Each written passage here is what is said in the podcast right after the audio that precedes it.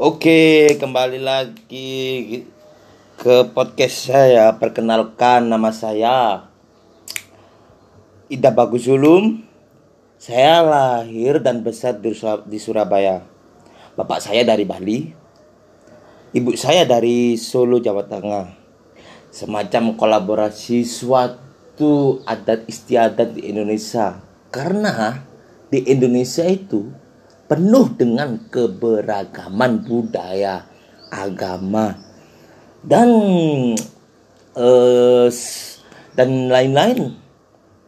Karena itu Indonesia merupakan negara suatu satu kepulauan yang amat banyak dan semboyannya itu bineka tunggal ika berbeda-beda